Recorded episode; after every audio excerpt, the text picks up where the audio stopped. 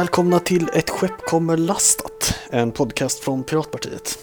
Jag heter Mattias Rubensson och är partisekreterare i Piratpartiet. Och med mig som gäst har jag...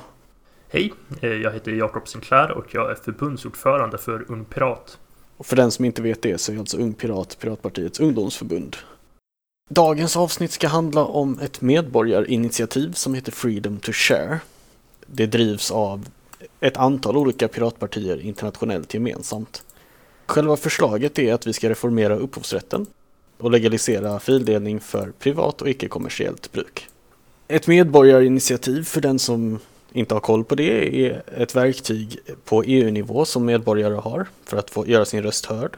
Det innebär att man samlar underskrifter för ett visst förslag. Eh, och om man samlar till många namnunderskrifter så måste EU-kommissionen ge respons på förslaget och utreda det och en debatt hållas i EU-parlamentet om förslaget. Så det är vad vi försöker uppnå. En EU debatt i EU-parlamentet om att legalisera fildelning. Hur många underskrifter behövs det för att eh, de ska, tills vi har fått nog många underskrifter så att säga? Det finns ett par olika krav. Det krävs en miljon i hela EU. Men det finns, krävs också ett visst antal i olika länder. Och jag har inte exakt koll på alla länderna. Men i Sverige behöver vi 15 000 stycken. Okej, okay. Yeah. De börjar vi samla, samla in den 15 november, som det ser ut. Sen kommer insamlingen hålla på ett år och har vi inte lyckats samla ihop tillräckligt många underskrifter om ett år så eh, ja, då faller initiativet. Så det ska vi ju se till att vi lyckas med. Så då tänkte jag att vi ska diskutera lite varför vi driver det här medborgarinitiativet. Varför vill vi reformera upphovsrätten? Så du kanske vill börja? Vad är ditt eh, favoritargument för varför vi borde reformera upphovsrätten och legalisera fildelning? Den delen där jag kommer ifrån eh, och varför jag blev pirat från början handlade rätt mycket om upphovsrätt. För jag var en man säger, datakille, gillade mycket programmering och sånt. Och då kom jag från den här open source-kulturen där källkod till olika program låg fritt ute på internet. Vem som helst kunde ladda ner dem, vem som helst kunde dela med sig av programmen. Vem som helst kunde skriva och göra förbättringar och dela de här förbättringarna vidare med sig. Den här kulturen tyckte jag ju var fantastisk med att eh, man gemensamt som ett community gick in och samarbetade för att göra saker och ting bättre. Inte för att det direkt gav det någonting monetärt men mer bara eh, det här samarbetet som bildades. Då insåg jag hur otroligt bra det kan fungera med att ha en fritt och öppet delande. Men det här var väldigt instängt till just programmering och eh, eh, mjukvaruutveckling mjukvaruutvecklingen. Samma sak händer till exempel inte inom film, musik, skrift etc. Ett område där det händer någonting liknande är ju faktiskt inom vetenskapen. Där bygger ju eh, olika forskare på varandras arbete eh, liknande Eh, hur olika utvecklare bygger på varandra i open source-projekt. Såklart inte likadant eftersom man producerar olika saker, men på ett liknande sätt. Och även där är ju faktiskt upphovsrätten ett hinder för den typen av samarbete. Eftersom forskningsresultat ges ut i olika typer av vetenskapliga tidskrifter som är upphovsrättsskyddade eh, ligger bakom väldigt dyra paywalls. Alltså när vi pratar dyra så menar vi otroligt dyra. Harvard som är ett av världens rikaste universitet gick för ett par år ut sen och sa att de knappt hade råd att köpa in tidskrifter längre.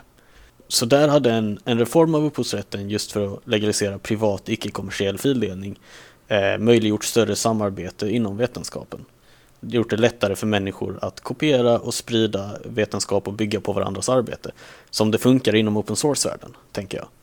Detta är faktiskt någonting vi redan kan se och har redan har exempel på tack vare SciHub. Eh, som är en hemsida där man kan dela med sig av vetenskapliga skrifter helt gratis.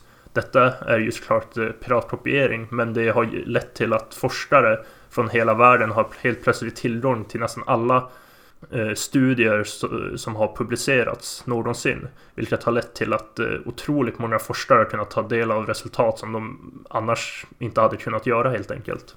Och framförallt i eh, delar av världen och på universitet som inte har eh, lika stora ekonomiska resurser. Det ser man ju också för ett par år sedan så släppte ju SciHub ett dataset över var i världen folket som använder SciHub är. Eh, och då var det ju många till exempel i Iran då som är under olika former av sanktioner från USA. Och i många andra utvecklingsländer. Men också i länder som Tyskland och Sverige. är det många som använder Sci-Hub. Inte bara för att eh, det är billigare och enklare, men framförallt för att Sci-Hub fungerar otroligt mycket bättre än konkurrerande vetenskapliga tidskrifters tjänster. Precis, men eh, med kunskap så kan det ju vara ganska enkelt att se att varför det är bra att man kan bygga vidare på eh, varandras kunskaper och kunna ta del av varandras kunskaper. Men när det kommer till kultur, Mattias, varför ska vi kunna ta del av man säger, all kultur helt gratis? Varför är det lika viktigt? Dels kan man ju säga det att kulturen är bara eh, värd någonting så länge vi alla kan vara delaktiga i den. Och där är ju olika typer av ekonomiska hinder för att vara delaktig i kulturen ett problem för ett gemensamt samhällsbygge. Vi tänker kanske inte så mycket på det, många av oss, för att vi tycker inte att det är ett problem att betala för den kultur vi vill ta del av. Men för många människor är det helt enkelt för dyrt att ta del av den kultur som utgör på något sätt limmet i vårt samhälle. Som vi pratar om, Eh, som vi refererar till och så vidare.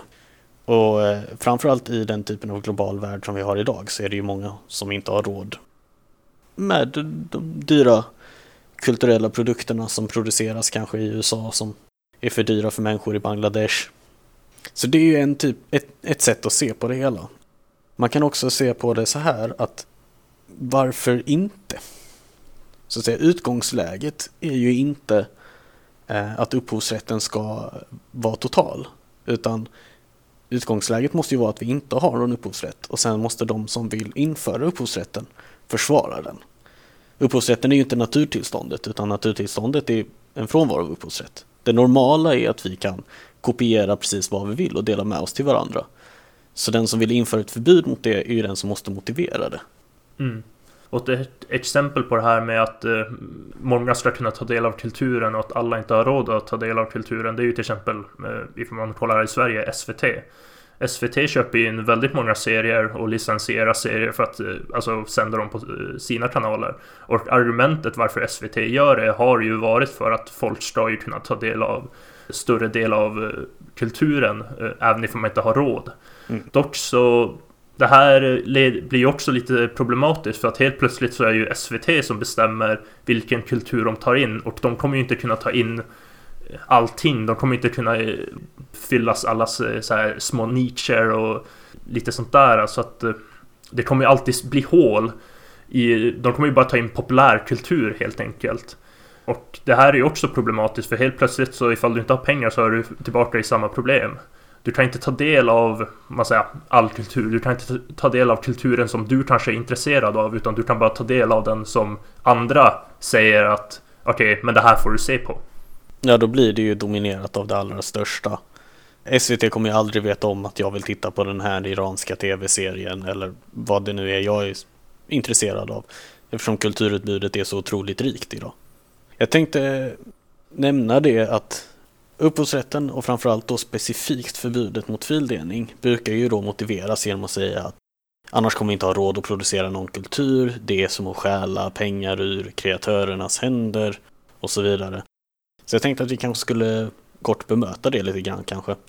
Och jag brukar när jag pratar om det börja med att säga att ja, i praktiken har vi ju haft fri fildelning nu i 20 år. Var är apokalypsen? Musikindustrin har inte gått under, den går bättre än på många år. Filmindustrin har inte gått under. Tv-industrin går som tåget. Författare har det inte svårare på grund av fildelning och så vidare. Så om nu fri fildelning skulle förstöra kulturen, varför har ni inte gjort det än? Exakt, och eh, musikindustrin är ju ett väldigt bra exempel på det där. Eh, för att eh, när Napster kom ut där i slutet av 90-talet så började ju musikindustrin få helt panik. Och nej, vad kommer hända med alla vår, all vår försäljning? Vad kommer hända med vår inkomst med att sälja CD-skivor etc. Och eh, musikindustrin, de eh, verkar ju se, eh, man säger, där verkar det gå i uppfyllelse ett tag att eh, piratkopiering kommer döda musikindustrin för deras inkomster går ju faktiskt ner, ner från att vara rekordhöga. Men eh, som du är inne på, nu den senaste tiden så har eh, inkomsterna för musikindustrin, det har börjat gå upp igen. Det har börjat gå bättre för musikindustrin än vad det har gjort på flera år. Och det här, det visar egentligen att det kanske inte var piratkopieringen från början som var problemet. Problemet var att musikindustrin inte ville fylla behovet av att distribuera sin musik på internet. Vilket var där, där deras användare ville ha musiken. Här måste man ju, det är två eh, saker som jag vill säga där. Och, och först är det ju det att man måste hålla isär musikindustrin och skivindustrin. För under de åren där skivbolagens inkomster föll så ökade inkomsterna för livemusik och liknande enormt. Vilket på många sätt kompenserade inkomstbortfallet som gick till skivbolagen. Men skivbolagen är ju de som är mest högljudda när det gäller upphovsrättsliga frågor. Så det, det är därför man hör från dem att musikindustrin kollapsar. Men sen då, vad som hände var ju egentligen att piratkopieringen visade att distribution av exemplar av musik är inte det som det är inte det svåra att lösa med musikproduktion. Utan det svåra var att lösa vilken musik är det som människor vill lyssna på. Och det är det som Spotify har gjort och det är därför Spotify är stort. Och många eh, pirater använder Spotify istället för att piratkopiera. Det är inte för att Spotify är, ger mer musik eller lättare musik än vad det är om man skulle fildela den illegalt. Utan det är för att Spotify är bättre på att tipsa om ny musik, bättre på att organisera din musik i spellistor och så vidare. Och det är det som skivbolagen, som är de som faktiskt tjänar mest pengar på Spotify, har insett att de är inte längre i en business av att distribuera musik utan en business i att organisera musik. Så de, och, och så, så händer det med många industrier att förändrade villkor förändrar eh, var du kan tjäna dina pengar. Om man tar eh, för hundra år sedan, det är ett exempel som Rickard Falkvinge brukade lyfta. För hundra år sedan så såldes eh, is i lösvikt i Stockholm. Eh, för att man skulle kunna frysa sin mat hemma. Så varje dag levererades is hem till människor. Sen så uppfinner någon taskig människa frysen. Och hela isindustrin kollapsar. Tills man inser att aha, men nu kan vi ju sälja frysar istället. Nu kan vi sälja jag vet inte, kylklampar, annat som människor behöver för att de har frysar istället. Så med varje sån förändring som uppstår det är nya affärsmöjligheter. Och det är vad skivbolagen har insett nu är att aha, vi sysslar inte längre med att flytta musik egentligen, utan vi sysslar med att organisera musik. Precis, och som du var inne på tidigare så det här med upphovsrätten eh, när du sa att eh, utgångspunkten borde ju vara att upphovsrätten inte finns. För att det är ju det naturliga tillståndet att den inte finns. Och eh, det är ju lite samma sak här att det finns ju ingenting som säger att den här industrin ska alltid finnas kvar. Den här industrin, man ska alltid kunna tjäna pengar på att distribuera musik. Man ska alltid tjäna pengar på att sälja is på lösvikt på en marknad etc. Och det är det här som är eh, lite grejen är ju att internet kom ju in och förändrade spelplanen otroligt mycket. Och då måste ju industrierna börja anpassa sig efter internet och hur det fungerar. Mm. Man kan inte bara sitta kvar med sina CD-skivor och hoppas på att nej, vi kommer någon dag få tillbaka våra kunder. För att de har redan gått vidare och internet är kvar för att stanna. Ja, verkligen. Och en sak till då när det handlar om att upphovsrätten inte är naturtillståndet. När människor försöker då försvara att införa upphovsrätten, om vi nu utgår från att naturtillståndet är utan upphovsrätt eh, och utan då specifikt faktiskt förbjuden privat icke-kommersiell fildelning, som är det vi pratar om egentligen här och inte upphovsrätten generellt. Då säger de att nej, men när människor fildelar så betyder det att de inte köper någon kultur och då går kreatörerna i konkurs. Men en hel del forskning visar faktiskt att pirater är kulturproducenternas bästa kunder. Ju mer människor fildelar, desto mer pengar spenderar de på kultur. Även om de kanske spenderar pengarna på ett annat sätt än de som inte fildelar gör. Istället för att eh, betalar för streamingtjänster så kanske de donerar pengar på Patreon eller vad det nu är. Men som sagt, en hel del forskning visar att ju mer människor fildelar, desto mer pengar spenderar de på kultur. Och det är ganska logiskt egentligen, eh, eftersom de då tar del av mer och mer kultur och då vill man skapa mer och mer kultur, då vill man stötta kulturlivet. Så en sån här reform där man legaliserar fildelning som vi vill göra med det här medborgarinitiativet, det är inte en attack på kreatörerna, utan det är ett sätt att försöka hjälpa kreatörerna egentligen. Vi ska inte heller glömma att kreatörer många gånger själva fildelar otroligt mycket. För inspiration, för att man vill vara en del av kulturlivet, för att man är intresserad och så vidare. Inte minst så är det ju också så att kreatörer ofta lever i gråzonen eh, i upphovsrätten när de skapar nya verk som bygger på tidigare verk, sampling och remixes inom musik och eh, liknande. Mm. Och eh, för att ta ett litet exempel här med det här med att exemplifiera varför piratkopiering inte är att stjäla så att säga. Låt, låt oss säga att du har, du har en bok som du har läst Mattias. Och så rekommenderar du den här boken till mig att ja Jakob, du borde läsa den här boken. Och så lånar du ut den till mig. Och så då har jag boken, jag läser boken. Och vad är slutresultatet av det här? Det leder ju till att eh, du har läst boken och köpt ett exemplar. Jag har läst boken, men jag har inte betalat någonting till eh, skaparen av verket. Utan jag har bara tagit del av det. Och i mitt fall här, vad hade det gjort för skillnad ifall jag hade piratkopierat den här boken efter att du hade rekommenderat den till mig? I det här fallet så hade det inte gjort någon skillnad. För att eh, ifall jag piratkopierar boken så får jag en egen kopia eh, som jag kan läsa. Och, men slutresultatet är ju samma. Att du har köpt ett exemplar och läst boken. Jag har inte köpt ett exemplar men jag har ändå läst boken. Och det är oavsett ifall man, du lånar ut boken till mig eller ifall jag piratkopierar. Mm. Men ingen skulle ju säga att det var moraliskt fel av dig att låna ut boken till mig. Det är ju någonting som eh, känns helt naturligt, att man kan låna ut saker till varandra. Precis. Okej, okay, så därför vill vi reformera upphovsrätten och legalisera privat icke-kommersiell fildelning. Men vad ska vi nu göra då?